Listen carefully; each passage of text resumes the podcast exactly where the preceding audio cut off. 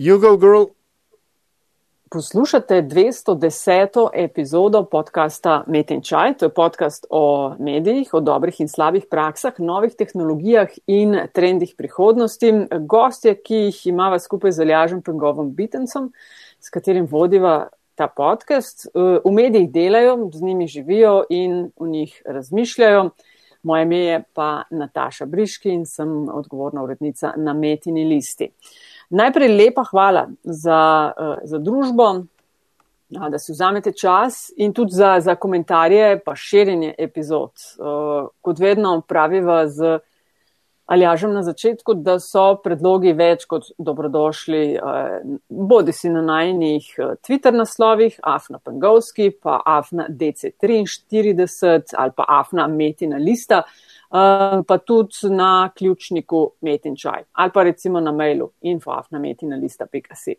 Tako da to so vedno ful vesela in res vesela vaše družbe in uh, ogromna, ogromna hvala za investicije in prispevke v vseh oblikah, ki jih namenjate našim vsebinam. To nam res, res pomaga, da, da lahko s takšno frekvenco delamo.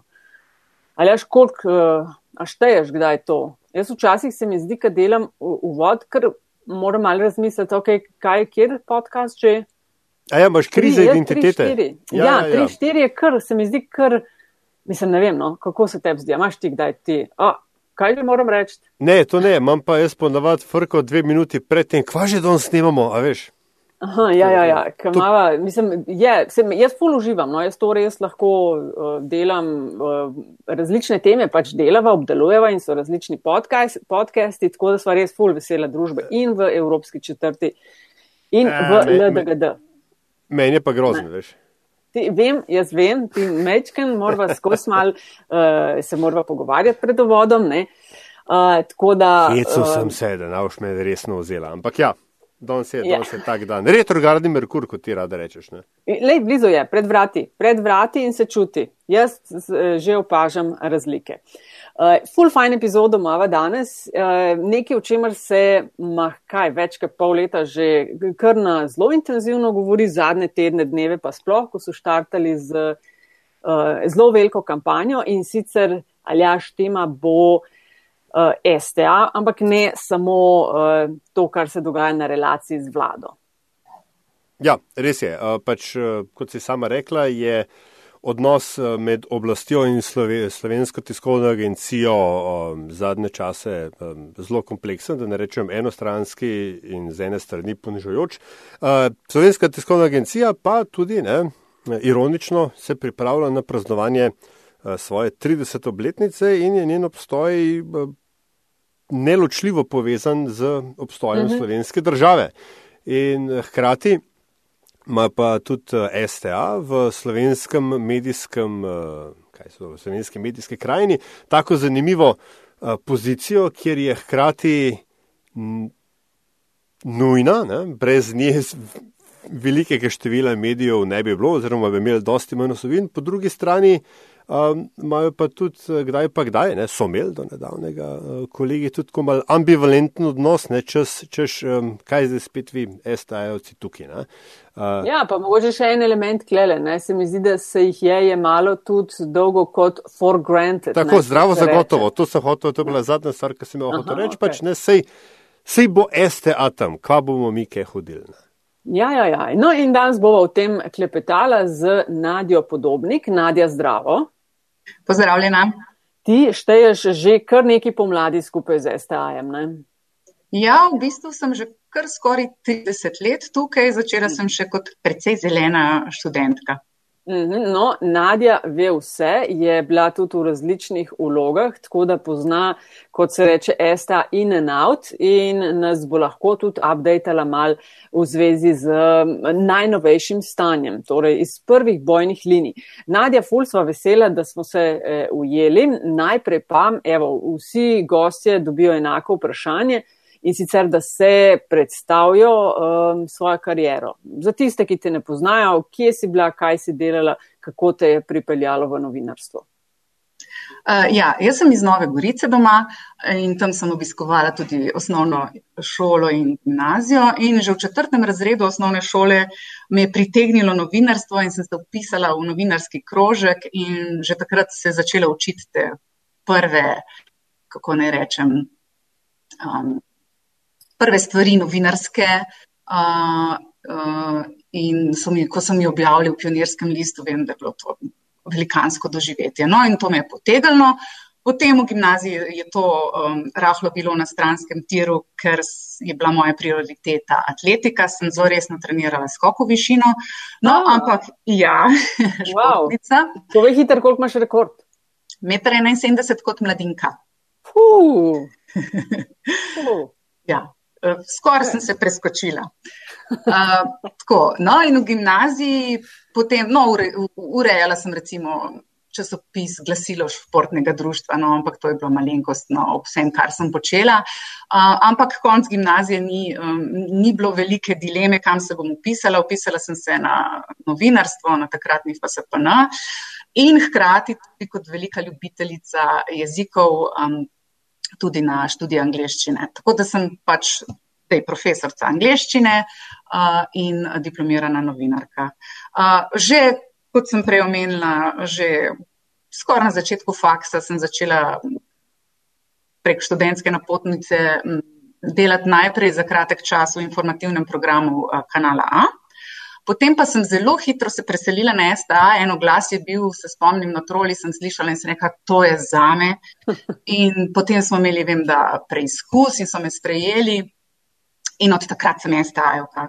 Tako da najprej kot študentka, potem sem delala v desku, potem precej kmalo pa v zunanje političnem uredništvu, kjer sem kar večino svojega profesionalnega um, dela upravljala. Uh, sem pa počela vse na STA-ju, no skoraj vse. In v ja. angliškem servisu sem uh, prevajala, se pravi, za tuje javnosti. Ne vem, cel kup športnih stvari, tudi olimpijske igre sem prevajala. Um, Ni da ni, no. večerna urednica vseh sort. Ja, ti omenila si, sem zastrigla z ušesi, da si imela preizkus, ko si videla tale oglas za STA. Ne?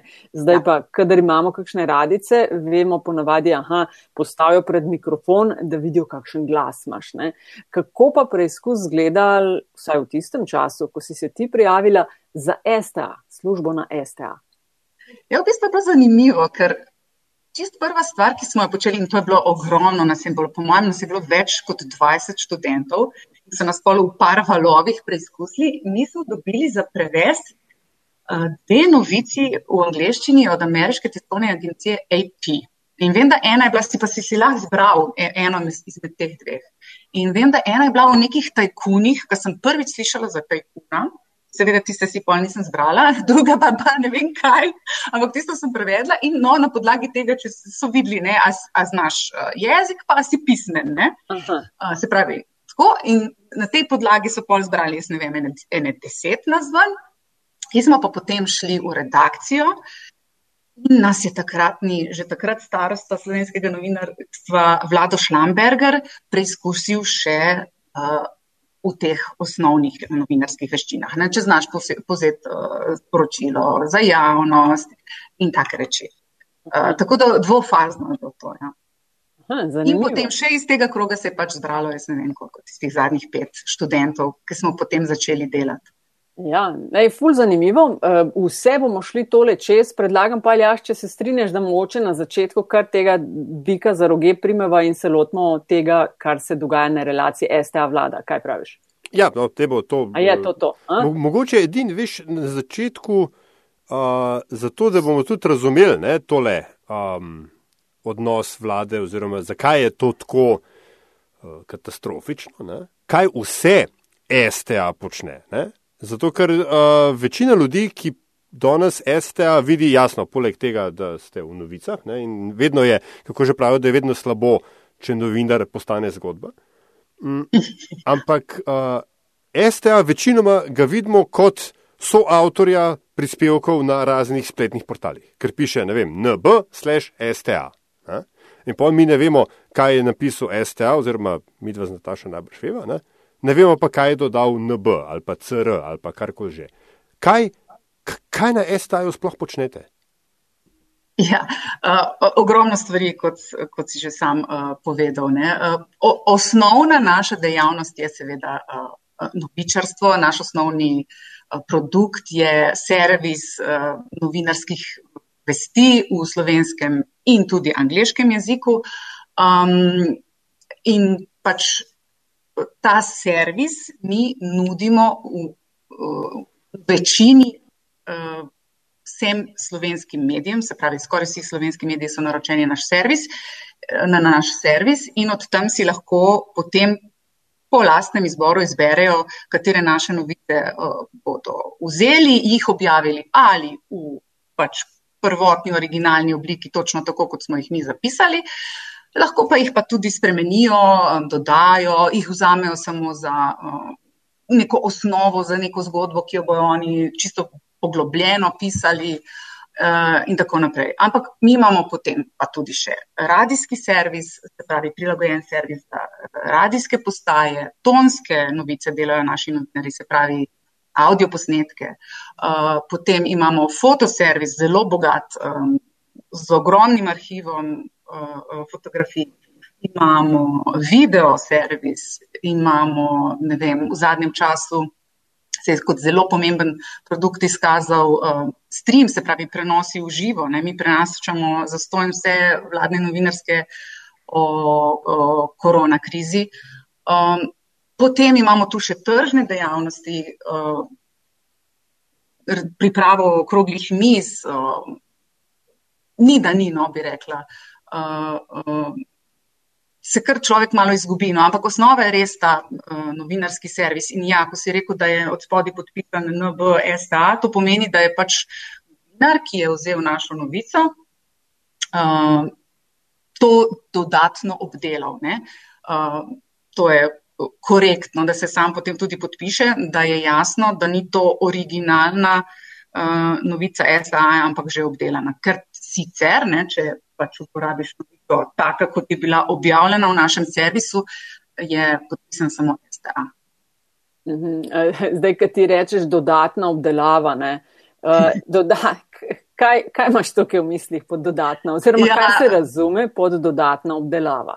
Ja, ogromno krat je recimo spremenjen naš naslov. Pač agencija uh, uh, poroča dejstva. Uh, naslovi so morda malo manj dramatični, privlačni, žmohtni, če, re, če, če rečemo temu tako.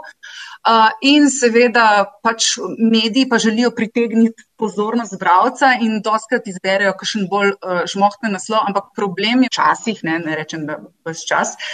Da mm, je morda ta naslov rahlo zavajajoč ali pa ne v celoti ustreza uh, vsebini novice, in potem imamo doskrat probleme, da nas klicarijo ljudje, ne, kaj ste to napisali, gor dol sem tja. Ne.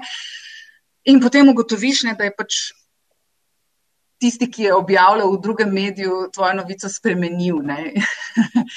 Tako da, ja. Aha, pač, se pravi, naslov že zadostuje. Ne zaradi tega, ker smo o teh stvarih zalažen že govorili o umetnih čajih z različnimi gosti. Namreč eh, občutek je, da velikrat gre za popoln copy-paste teksta, ne, ki se Veliko potem dodaja. Ja inicijalke nekoga in tako, kot praviš ti, da gre velikrat za spremembo naslova v samem tekstu, pa mogoče ne toliko zelo poseganja. No. Tako, ne, se pa tudi spreminja, tudi kaj dodajo ali pa vzamejo, ne vem, recimo, če gre za novico iz sveta, um, vzamejo mogoče še kaj po Reutersu, kar mogoče v mhm. naši izvirni novici ni bilo. Uh, um, tako da ja, se, se tudi dopolnjuje z, z nekimi dodatnimi dejstvi, ja, ali pa se tudi sam slov spremeni. Veliko krat je pač pač tako, kot je bila novica v SDA-jevem servisu objavljena, tudi potem v drugem mediju. E, ene stvari nisi omenila ne? in je za tiste, ki eh, delamo v medijih, je v resnici to verjetno najpomembnejši SDA-jev produkt. Eh, in to je dnevni napovednik. napovednik. Tako je. ja, in, in, in, in tisti, tistih čarobnih pet znakov ne, ob vsakem, vsakem dogodku, kjer je bil oklepaj, STA zaklepaj. Ne kar pomeni, da ja. bo dogodek STA poroč, eh, pokrivala. Um, Meni se zdi, da je to ne, ključen uh, element delovanja slovenske medijske krajine. Ne, da imaš ti en vir, sej, seveda lahko sam zbiraš te stvari in mi na kaosu smo jih dolgo, dolgo časa sami zbirali in pol, to je tako grozen in mukotrpno delati. Uh, kdo prvo to dela in, in um, kako se pol odločite, da boste pokrivali dogodke? Katere dogodke ja. boste pokrivali? Ja, uh, napovednik je res, uh, tudi ko dobimo mi uh, vsako jutro v redniki poročilo, kaj je bilo prejšnji dan najbolj klikano, je najpogosteje najbolj klikana zadeva naš napovednik.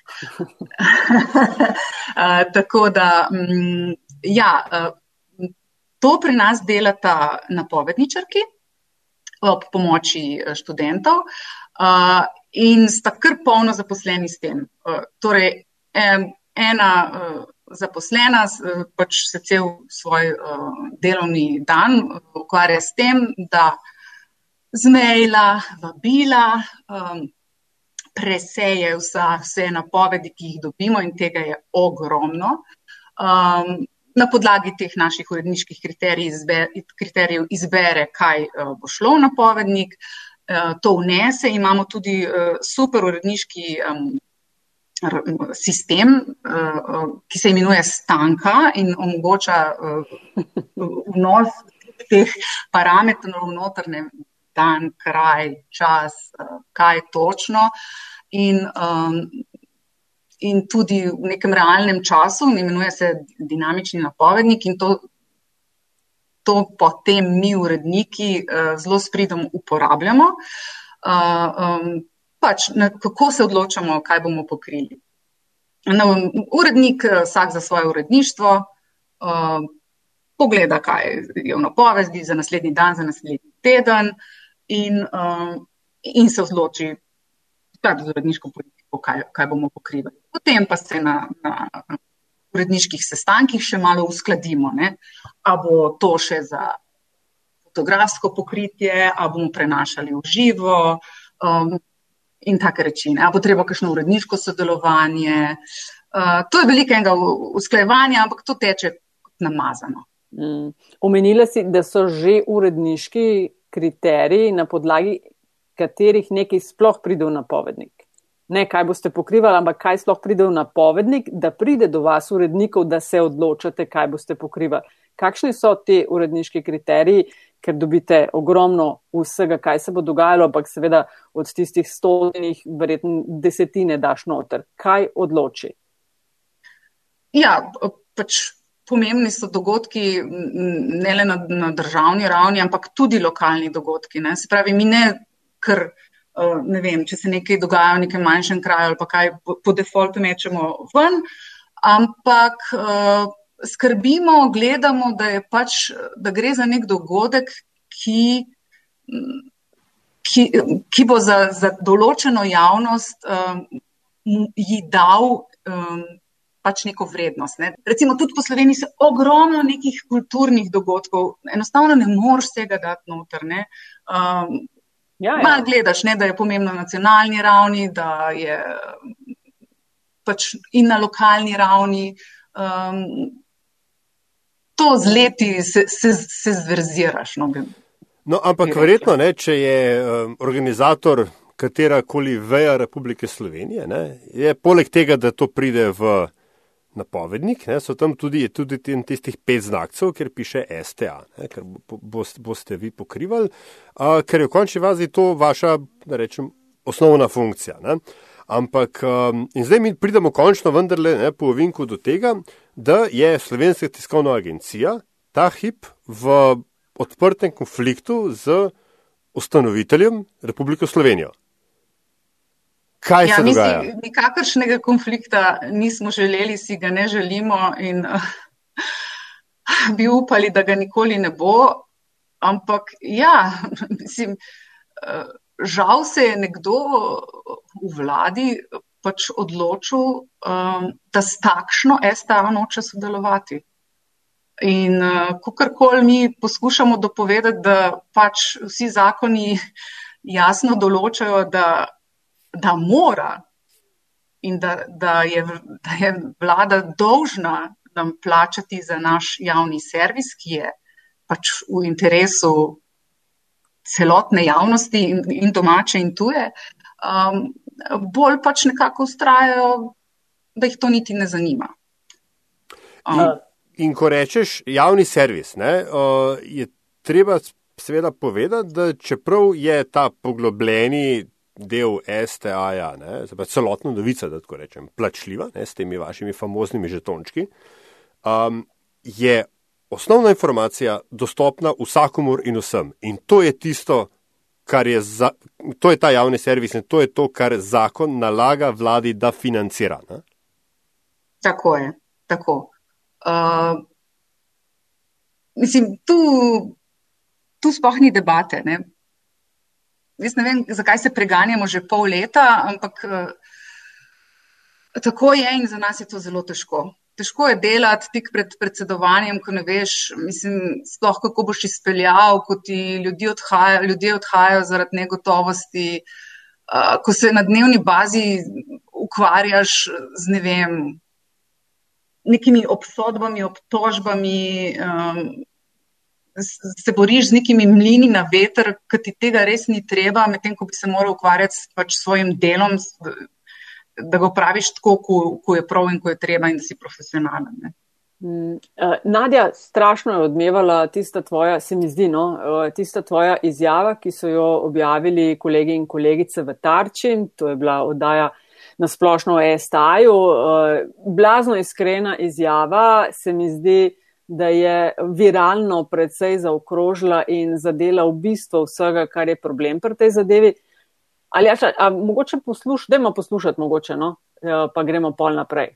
Enostavno ne moreš verjeti, da so ljudje, ki so na tako odgovornih položajih, lahko tako pritlehni, da lahko tako sprevračajo resnico, um, da so tako vulgarni. Pač ne, tega ne moremo sprejeti. Mislim, mi nismo taki in mislim, da tudi slovenska družba ni taka. In proti temu se moramo vsi skupaj boriti. Nadja, kje so te to, eh, da ne rečem, sneli? Eh, kje so te to posneli? V kakšnem razpoloženju si bila takrat, ker je bilo zelo videti tako totalno iskrena, eh, jezna, razočarana, žalostna, vse to se je dalo v tisti izjavi slišati. Ja, to je zgledalo tako, da je bilo, da sem en dan. Tle sedim v službi, delam svoje delo, in pa mi pokliče odgovorna urednica, uh, v svojo pisarno in reče: Ti poslušaj, opoldne, ura je bila pa tam ene deset, opoldne pridejo snemati tarčo, pa rabijo enega z STA, ki bi jim kaj povedal, kako se zdaj kaj tukaj počutimo. A bi bila ti? Jaz rekel, ja bom. Tako da prav je veliko časa nisem imela ča, uh, za se pripravljati, ampak pač. To so stvari, ki, so se, me, ki se v meni nabirajo in nabirajo že te mesece, ko smo v tej nemogoči situaciji. Uh, in pač to je sam moralo iti ven iz mene. In, ja, in mislim, da so vsi videli, da je to iskreno in da pač tako je. In, um, nekako so se lahko poistovetili uh, z nami na STA. In, ja, to, ko sem nekih pozitivnih odzivov, sporočil, uh, podpore, no, no, potiskem dobila, dobila ogromno. Ogromno. Mislim, po mojem, so v enem letu to, kar dobim, uh, kot sem jih potem tiste dva dni in še naprej, še, še vedno dobivam. Ne. In ogromno nekih eh, prošen za prijateljstvo eh, na Facebooku in kaj še vse. Res mislim, eh, ampak to, to tok človeku pomeni, to nam tok STA-jevcem pomeni, da vidiš, da, da ljudje razumejo, da, da, da čutijo s tabo, da te podpirajo, da nisi tam sam in se neki uh, boriš v prazno in uh, da, da, da pač javnost niti ne ve, kaj to sploh je. Ker veste, to je en kup enega zamegljevanja in nekih preusmerjanj pozornosti na stvari, eh, ki sploh niso bistvene, ne? da ljudi tudi lahko malo zmedene. Um, tako da ja, bilo je ogromno pozitivnih odzivov. In zelo opaženo. Um, pa, zdaj povej, kakšno je pa res zdaj razpoloženje. Štartali ste skupaj v soorganizaciji z Društvom novinarjev Slovenije z akcijo, ki traja v smaj, mislim, da se konc maja konča. Ja. Uh, zbiranje sredstev. Ne? Nismo si mislili, da bomo kdaj prišli tako daleč, da bomo eh, zbirali sredstva za nacionalno tiskovno agencijo v času, ko to snemamo. To je četrtek, 20. maj, ste zbrali že preko 233 tisoč evrov. Kakšno je razpoloženje v redakciji? Tist, a ste bili že po teh mesecih boja, a je že bilo tako, je zmanjkvalo energije, a je ta akcija naredila kakšno spremembo in tako dalje? Ja, zelo je zmanjkovalo energije. Um, mislim pač. To, to so ti vzponi in paci. Imaš en dan neko malo zmagico, ne vem, Evropska komisija, da jasno vedeti, ne, da nehte se hecati in dajte še ta denar STA-ju, pa potem spet naslednji dan dobiš. Ne, se to smo mi spraševali za prejšnje leto. Ne? In tako to te res pač ubija. Uh, in ja, mislim, tudi ljudje pač, uh, si že iščejo službe drugot in tako pač. Aha, prizadene, ne? Ja, uh, ampak no. službe druge. Ja, ja, ja, ja. Je, je že nekaj kolegov odšlo. Ja. Uh, ampak o, o tem potem. Okay. Um, in uh, potem se sprašuješ, ne, kaj bi še naredili, kaj, kaj lahko naredimo. Um, in ja, in veliko je bilo enih pogovorov in tako. In potem, ko je padla odločitev, mislim, to je težka odločitev, to, to je boleča odločitev. Da zaprošiš ljudi, da ti pač finančno pomagajo. To, to ni tako enostavno. Ne? To je bilo kar veliko enih pogovorov, ja, ne, pomislekov. Ampak potem, ko je šlo to v javnost in ko smo videli ta neverjeten odziv, uh, mislim, najprej novinarskih kolegov, tisti pač zborna novi, oziroma novinarska konferenca, ki ste. Je to kolegov res zbralo in si videl, da imaš podporo, uh, nam je ogromno pomenilo. Potem pa sploh, pa, se, pa so se pa usule te donacije in, in podpora in, in ti dvigne moralo, dvigne moralo uh, in zelo cenimo in smo hvaležni. In, ja, lepo je, lepo. Mm, zanima me ta potek. Kako ste brainstormali za kampanjo? Tist, kaj so bila vprašanja, eh, kaj dati noter, kaj ne, kaj poudarjati? To me, to me zanima. Je to dolg trajal? Ja, mislim, da prva razmišljanja so se pojavila že hm, par mesecev nazaj, ampak bolj tako na uredniškem kolegiju. Ja, bomo pa, ja, noč bomo pa morali denar zbirati, ja, kaj pa drugi, pa, pa, pa, pa spet drugi. Pa, pa, no, pa kako bo pa to izpadlo, pa spet nas bojo napadli. Ampak potem, ko prideš, ko si na robu, ko, a, a boš razglasil nelikvidnost ali pa kaj, mislim pač, ne vem. Ne, se, se obrneš, se obrneš na, pač, še na zadnje, ki ti lahko pomagajo. In, uh, ja, tle je ogromno pri, m, pomagalo Društvo novinarjev Slovenije uh, in mi imamo, vse jaz sem tudi članica Društva novinarjev, ampak nisem bila toliko v teh stvarih upletena, so bili drugi kolegi bolj. Uh, in, um, In sindikat, uh, in so potem oni tudi zagrabili to, uh, ker, veste, mislim, mi, mi imamo že toliko drugih stvari, katerimi se ukvarjamo, da enostavno ti zmanjka, ne? ti zmanjka ljudi, ti zmanjka energije. Uh, in, ja, in, in ko so skočili tudi drugi, uh, ja, se je kar malce oddahnilo. No, na začetku sem rekel, da, da je STA ne, v konfliktu z ustanoviteljico za Prvo republiko Slovenijo, ampak eh, verjetno bi bilo bolj pravilno, če bi rekel, da je v konfliktu s to vlado, ne, ki pač je trenutno upravlja za Republiko Slovenijo, ker uh, do sedaj uh, STA, mislim, to je prvič, da, je, da, da ima STA s polit, vladajočo politiko takšen konflikt. Ne? Čeprav so bili že prej tudi, uh, uh, da rečem, pritiski, pa um, poskusi vplivanja, menjave vodstva. Uh, v končni fazi uh, politika je pogosto nezadovoljna ne, z, z poročanjem STR. Spominjam se časov prodaje NLB-ja, ko je ko, ko, to nerop ni bil zadovoljen z načinom, kako je STA poročal ne, o, o, o načrtih belgijskih bank za nakup Slovenije in tako dalje. In tako dalje. A, ampak to me zanima. Danes morate pa vi hkrati se boriti proti vsakodnevnim pritiskom defundinga, z lepo slovensko besedo, in hoditi na novinarske konference te iste oblasti, ki razlaga, kako uh, se pač nam približujejo svetli časi, zlata doba, itd. itd. Ne? Da še malo pa bomo na koncu te epidemije in potem bo vse super, fino, fajn. Kako, kako se vi počutite ob tem? ja, ni lepo, ne? ampak kar nam ostane, je profesionalnost. Ne? In tukaj je toliko ljudi, ki so predani svojemu delu, predani javnosti. Pač mi smo zavezani javnosti uh, in uh, mi moramo poročati uh, o vseh relevantnih stvarih, ki se dogajajo v državi. In uh, pač pri tem nas ne bo ustavilo, ne vem, to, da nekomu mogoče ni všeč. Ne? Uh, mislim, o tem se ne bomo pogovarjali. Ne? Uh, sploh mm. ne pride v poštev.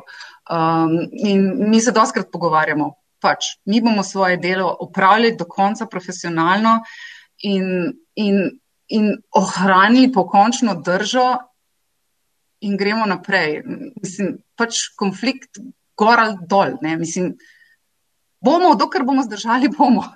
Ampak konflikt, pravilno besedo, ne? mislim, konflikt je tukaj na nek način tudi, eh, da rečem, konflikt interesov. Uh, ker, ko vi, recimo, nekdo, ki, je, ki gre na tiskovko ali pa neko šef Ukoma, Urbanija, še enkrat več reče, ne, ne, s financiranjem je vendar vse v redu, ko bo STA to opravila po zakonu, kar je po zakonu dolžna, pa neka dokumentacija, pa gor pa dol. In zdaj vi morate o tem poročati. Ja, seveda, to so pomembne stvari, o katerih mora nacionalna tiskovna agencija poročati. Kaj uh, potem naredite? Ali, ali, je, ali je potem ločite uh, pojasnilo, ali mislim, kaj, recimo, to ne drži, ne? pač vaše, vaše zakonske obveznosti do vlade so izpolnjene. Vlada trdi, da ne, ampak oni trd, pač trdijo po svoje. Kako to fakt pač čekati? Njega moraš povezati, mislim, pač njegove izjave moraš uh, podati tako, kot so, kot so bile dane. Seveda pa vedno daš zraven, mi temu rečemo lepo repek, se pravi ozadje, uh, kjer se pojasni pač dana situacija.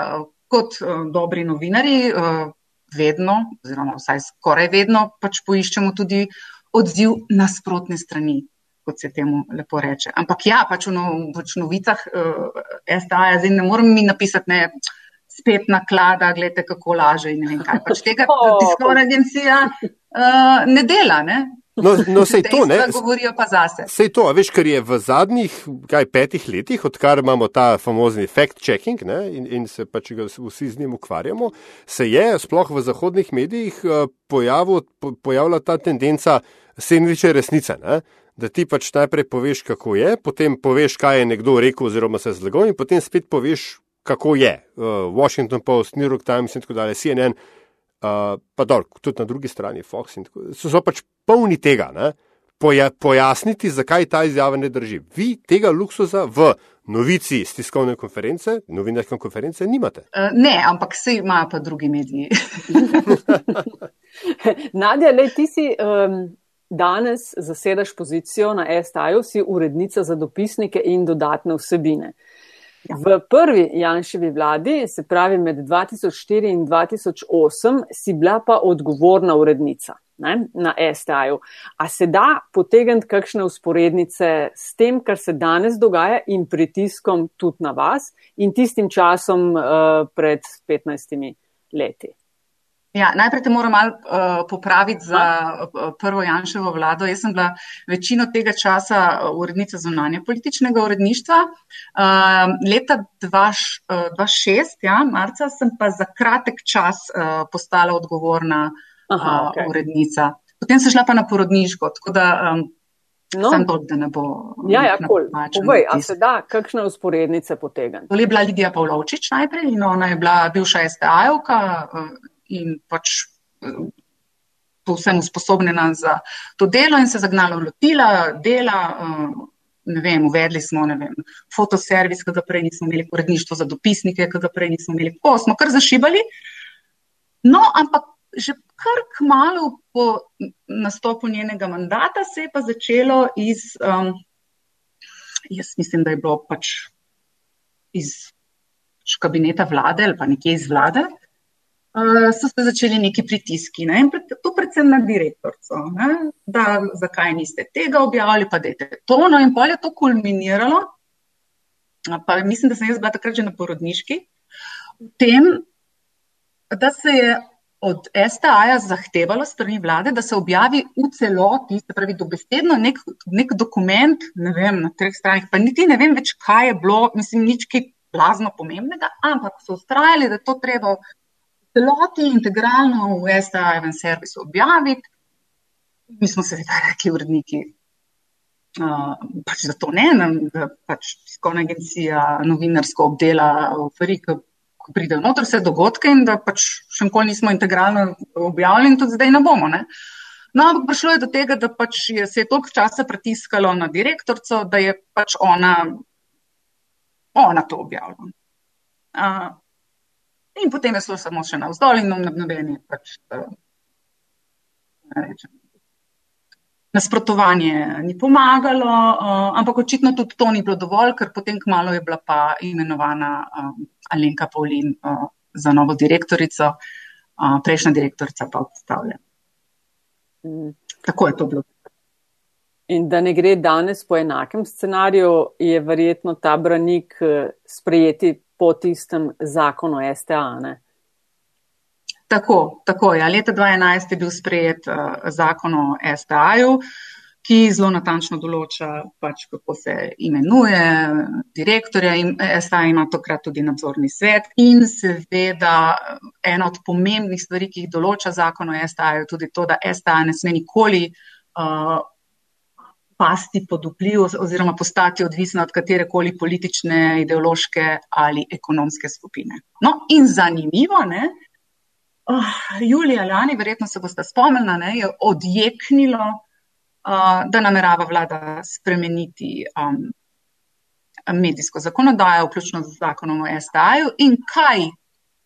Pišel ven iz zakona o STA-ju, med drugim to, da STA ne sme postati pasti pod vpliv katerekoli politične, ideološke ali ekonomske skupine. Mislim, tako prozorno vse skupaj. Tista tvoja izjava, tistih 30 sekund v tarči je res v srce vsega problema. Okay, zdaj pa uh, za uh, tiste, ki se morda površno spremljajo ne, o, to vprašanje, ne, ker vendarle uh, so ljudje, ki imajo v tem življenju še kakšen drug problem. Kaj se zgodi, če se takšna, uh, takšna varovalka odstrani? Ker bar si kdo bo rekel, da je STA itek državna, ker je pač pogosto ločnica, sploh v Sloveniji, med javnim in državnim zabrisana ali vsaj se jo ne da enostavno pojasniti. Ne. Kaj, torej, kaj se zgodi, če vlada doseže svoje? Ne vem, kaj bi se zgodilo. Ja, mi bomo naredili vse, da se to ne bo zgodilo, ne? ampak lahko se zgodi marsikaj. Lahko pride do tega, da je sta postane pač neka PR služba ne? na mestu ukoma ali poleg ukoma. Pač, kako ne rečem? SDS sta. Mislim, ne vem, ne, sej. Lejte, jaz upam, da do tega nikoli ne bo prišlo, nočem niti razmišljati, ampak pač strahovi so med, med nami kar precejšnji, ne, kaj bi se zgodilo, mm. uh, če bi se ta scenarij odigral. Razumem, da boste razmišljali o, o tem scenariju. Ampak tu je vendar bistvo. Ne.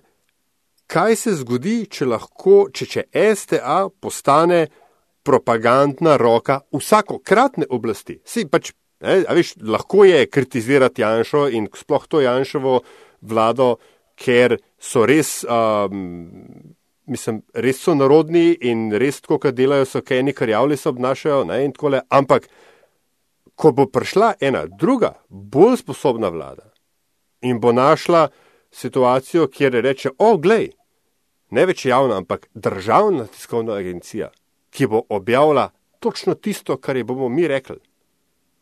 Um, ja, je to sploh še medij potem? Po mojem, ne. Mislim, uh, pač potem agencija ne bi bila uh, tiskovna agencija v tem svojem osnovnem pomenu. Ne. Mislim, sej nismo edina tiskovna agencija na svetu. Ne. In, in pač precej jasno je, kakšna je vloga tiskovnih agencij. Pač to niso uh, ne, ne vem, državna trobila in PR servisi. Ne. Pač to so resne medijske hiše, ki skrbijo za to, da je javnost in, in vse medijski svet o, o, hitro, natančno, korektno, o, celovito obveščen o tem, kaj se dogaja doma in po svetu. In potem pač ni, ni se tam hiša preimenuje v, v, v neki drugega. In ja, seveda, če ti spremeniš zakon o STA, ga spremeniš za vsakokratno oblast, razen če ga pač potem spet ne spreminja. Ampak to res ne vem v interesu, uh, komu uh, bi to bilo. Mm. Ja, tistim, ne, ki razumejo medije kot dober, kredibilen, resnicoljuben je tisti, ki hvali nas, ki poroča o nas dobro in nam daje vsakokrat prav vsi tisti bi tako razumeli, da to je dober medij, vsi ostali so pa za nič in jim je treba vse vzeti in vse kaznovati. Pa če se da še malo alternativne resnice pokazati. No, to, to gre, goes without saying, to je tist, pa, en del tega posla. Nadja, ti si, eh, no, ko smo pri tem, kaj vse ste tudi vi delate, ti si urednica dopisništev. Koliko dopisništev pa ima STA? Koliko je tega? Je to vsak kraj prisotnost nekoga? Ja, gled, jaz sem urednica za dopisnike po Sloveniji. Ja. Imamo deset dopisnikov, uh, uh, tako da bolj ali manj so regije uh, pokrite. Uh, um, se pravi, imamo in v Mariboru, imamo v Murski soboti, na Koroškem, na Dolenskem, na Primorskem, Severnem in Južnem. Edino Ljubljane nima pokrite z dopisniki. Uh, ja. Drugače imamo pa tudi, seveda, dopisnike po, po svetu, ne? Uh, izpostave v Bruslju, v New Yorku in uh, v Zagrebu, ampak to spada pod zunanje politično Aha. uredništvo. Kar si pa ti tudi uh, velik in dolgo časa delala. In, ja. Aha, da mi povej, to sem te pozabila vprašati. Naslovna fotografija ob objavi tega podcasta, kje je bilo to narejeno? Tako zgleda zelo fajn. Ja, to je v Jordanski puščavi, mislim, da je leta 2002. Um, bil je obisk uh, takratnega predsednika Kuča na državniški v Jordani in tam smo čakali, da pride ta kralj in kraljica. In od zadnji za mano je postrojena ta njihova častna, častna garda v takih zelo zanimivih oblečilih.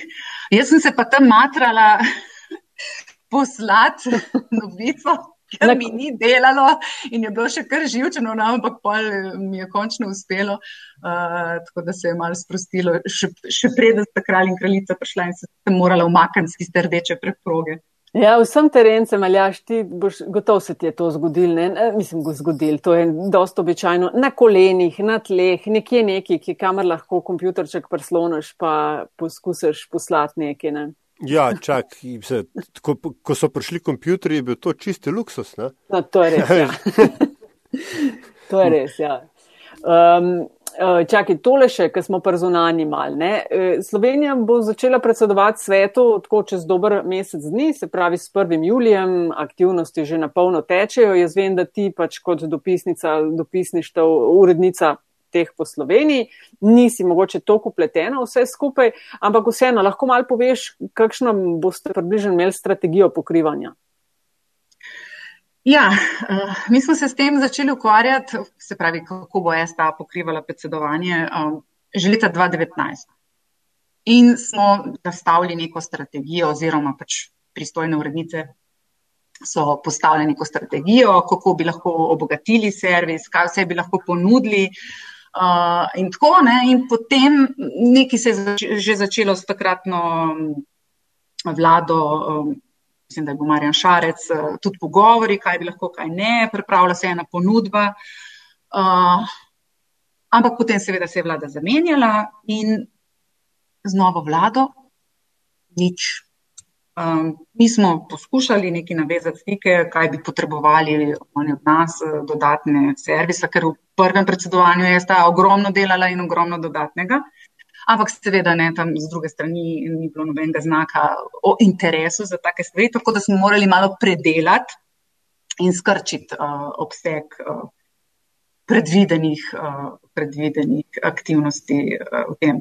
Uh, vseeno pa uh, jasno, ne, bomo, uh, bomo, bomo intenzivno to pokrili. Začeli smo že januarja uh, objavljate niz prispevkov v povezavi z EU-jem, v povezavi s slovenskim predsedovanjem, ključnimi temami, ki bojo aktualne v času predsedovanja. In potem med samim predsedovanjem pa seveda bomo okrepljeno spremljali vse dogajanje. V Bruslju imamo dopisnico Petro von Wullerstorf, ki je uh, odlična in, in pozna res uh, v drobovje vse dogajanje. Uh, vendar pa tako pomembnih stvareh je težko vse pokriti, že sicer je težko sami, sami pokrivati Bruselj. Tako da imamo srečo, da v Bruslju živi tudi naša sodelavka uh, Simona Grmek, eh, s katero smo se dogovorili za, uh, za čas predsedovanja za okrepljen njen angažma. Uh, tako da veliko bomo delili tudi vsebin za splet dodatnih, multimedije, veliko bo dela. Ne? Je pa tako, ne, da mislim, zdaj smo v tej negotovi finančni situaciji, da prokaj ne vem, blazno nekih investicij si pa ne moreš privoščiti. Hmm. Koliko pa je vlada namenila, mi grede, STI-ju za pokrivanje prvega predsedovanja 2.8 takrat? Ja, mi smo ja. gledali ja, in, in uspeli smo priti do podatka, da je bilo takrat namenjenih 375 tisoč evrov STI-ju za uh, storitve povezane s predsedovanjem. Mi tisti plan, ki smo ga imeli, tisti prvotni, ki je padel v vodo za, le, za letos, je bil pa 120 tisoč evrov. Tako da, ja, ne, no, zdaj pa tudi to padlo vodo. Je sicer razumljivo, ne, da je malo manjša, mal manjša, kako rečem, intenziteta, ker je pač z Lizbonsko pogodbo tudi se spremenila, spremenil pomen predsedujoče države in tako naprej. Tudi pač takrat leta 2008 je bilo res, smo prvič predsedovali, smo bili kar članica in, in je bilo to res izjemno pomembno. Tako da takrat so novinari potovali tudi v Limo, na, na te vrhove, pa ne vem, na Japonsko in tako. Je bilo res intenzivno in ekstenzivno se skupaj pokrito. Letos tudi če bi imeli kup denarja na voljo, bi bilo manj. Ne. Prdnarju, se mi zdi, da se nasplošno v žurnalizmu tako manj potuje. A je enako tudi pri vas? Meni se zdi, da se nikamor več ne gre. Vse so neki uh, lokalne izpostave, morda, ki lahko so iz novinarskih vrst, lahko ne, uh, da se tako dela iz pisaren, veliko več kot kdajkoli. Pa ne samo zaradi COVID-a. Ja, tudi jaz imam, um, imam ta občutek. Mislim, časih je pa res, ne, recimo, zunanje političnemu uredništvu, tam je po neki logiki tako največ potuješ. Ne, uh, je res, ne, da smo bili mlada država, da smo se osvajali, da bilo, so bili pomembni ti prvi stiki s tojino in tako naprej. In da je to zdaj mogoče malo manj, ampak ja, mislim, včasih smo, mislim, ne vem, ko smo predsedovali Ovsijo, jaz vem, da smo bili, ne vem, Kirgizistan, Uzbekistan, Tadžikistan, Armenija, Azerbajžan. En da, enkrat vem, da smo bili v, v štiri. Če, že, v dveh dneh smo bili v treh državah, jaz sem bila že čez medena, kje sem. No, tako kot mi, da smo podcast. Kjer, kjer, kjer smo? ja, pa ne vem, pa papeža, neko je prišel papež na obisk Vem, smo se peljali z Adrijo dol, pa s papežem skupaj uh, v, v Slovenijo, pa, pa z letalom iz Ljubljane v Maribor s papežem, pa nazaj. Mislim, ja, uh, ja veliko velik več je bilo. Zdaj pa, ne vem, greš včasih v Bruselj. To, to pa že skoraj to, mislim, ja, da, ja. In, in je res velik denar tlep tudi. Uh, ampak tudi druge stvari. Romantike, romantike je očitno konc, ne? vsaj, vsaj za nekaj časa, ne? ali, pa se, ali pa smo se mi miškem postarali. Um, ampak um, vendarle, uh, ne glede na razmere, kakršne so, ne? ta hip v odnosu STA, vlada in tako dalje, delati za STA je še vedno, mislim, veš, ko si zunaj, recimo, ne, mi, komercialci, pa na jih naradi, pa rečeš, ja, este, ja, tam, tam vi šljakate novice. Ne, mi smo kreativci, mi delamo dve urne intervjuje in tako dalje, vi pa šljakate novice. Pa prva novica, pa dopolnitev, pa ozadje, pa ne vem, kakšen popravek. Kako imate s popravki zrihten?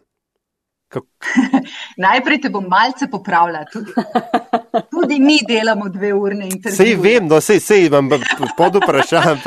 Ozadja, pa tematske ja. prispevke, ja. pa kronologije, pa sezname, pa tabele, pa kaj še, da ni. Ni, da ni. Ja. Res, mislim, pač, da ne bo zdaj izpadlo, da ne, ne, ne, sej, sej, sej, novičke, ne, 1500 znakov. Ja. Mislim, to je ogromno enega dela, uh, ogromno enega razmišljanja, kaj še bi lahko predstavili, katerega strokovnjaka, mislim, recimo, ko ja. se je začela ta uh, koronska kriza. Mislim, mi smo to brainstormali z, razno raznih koncev Slovenije nadaljavo. Danes bi lahko še to, pa unga, pa te probi to, pa kdo bi lahko to. Mislim, pač to.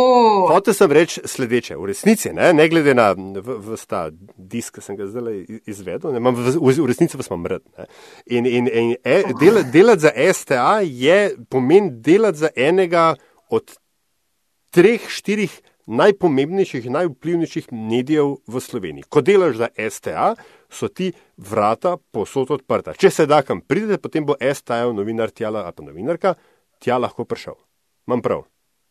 Ja, ja, res je. Večinoma pač, ampak je to tudi tako, ne, da uh, uh, kar bo napisala, poročala, dala od sebe STA, bojo vsi dobili. Ne. Se pravi, če imaš ti omejeno, glih zadnjič mi je kolega razlagal, ne, uh, sodišče, Ne? Na sodišču sta lahko dva, dva novinarja, max ali pa eden.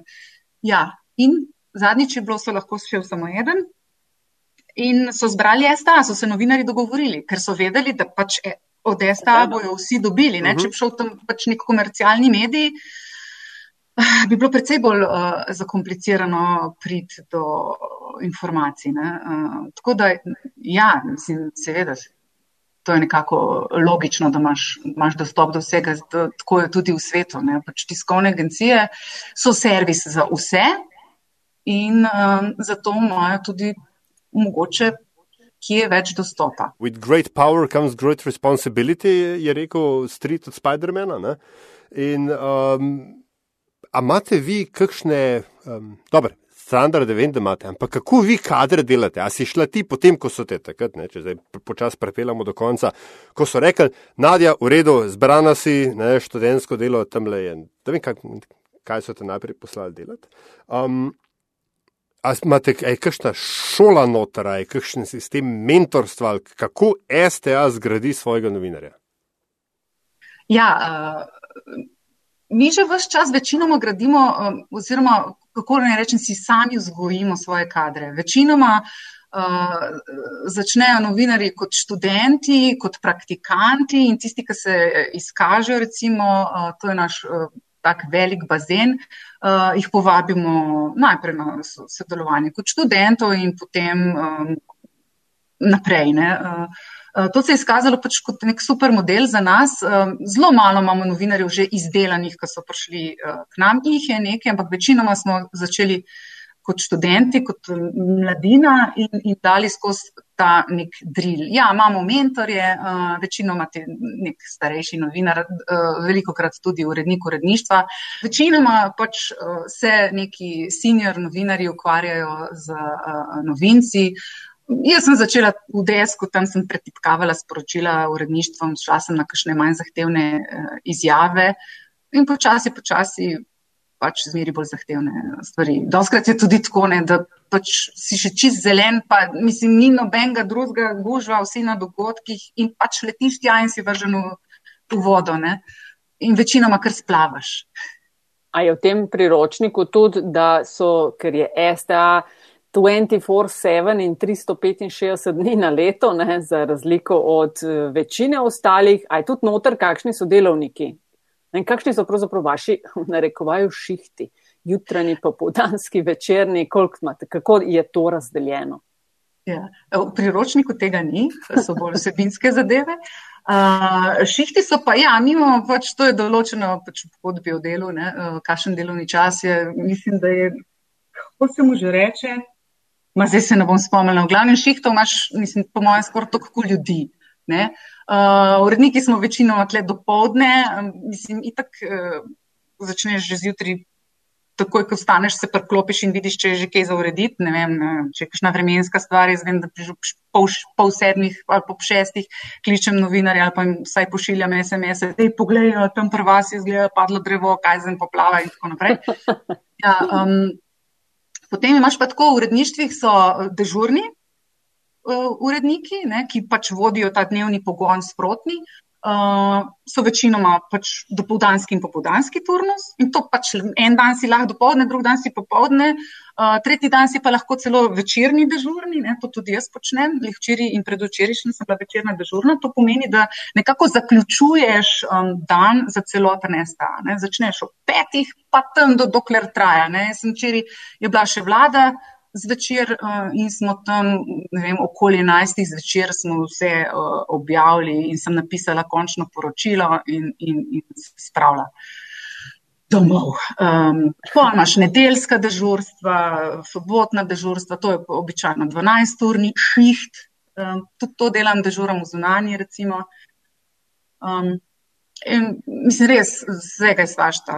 Mm. Ne vem, če pa pokrivaš olimpijske igre, so pa tako cel cajt tam. ja, ja, pa ameriške volitve pa tudi ne greš spat. Ne. Čeprav je tam robi kar, kar dobro oddelane. Mislim, tiste ja, ja, dobro, da imamo robi. Ja. Kaj vam je pa Yorku? Preden počas uh, končamo in ker večina še vedno velik dela od doma, Um, ne bom vprašala, kako vam je COVID spremenil delo, ker to smo že večkrat slišala. Povej mi, kaj po tvojem mnenju vam je pozitivnega pandemija prinesla? Prinesla nam je spoznanje, da kako lepo je biti v službi. pa tudi to, no, da uh, smo se naučili um, delati uh, tudi od doma, kar pri nas je izjemno pomembna ta sprotna komunikacija. Um, naučili smo se tudi tisti, ki niso bili tako spretni teh komunikacij nadaljavo, WhatsApp skupine zelo super pri nas šibajo.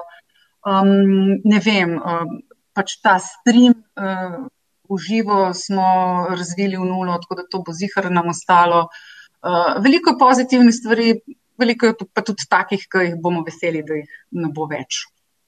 Mm. Ja, in to, Aljaš, počas postava piko in gremo na zanimivost. Točno to sem hotel reči. Ne? Kot vedno je na koncu uh, zanimivost, ki jo gostje v tem primeru seveda pripravi. Uh, In verjamem, eh, naredi si se pripravlja, ker kdo se ne, in potem so vsi, kaj, kaj je zanimivo, kaj svašta. Anyway, um, karkoli, nekaj, kar, kar bi rada delila z nama, z najnimi poslušalci, eh, lahko je povezano s svojim profesionalnim ali pa sicerskim življenjem. Tell us something we don't know.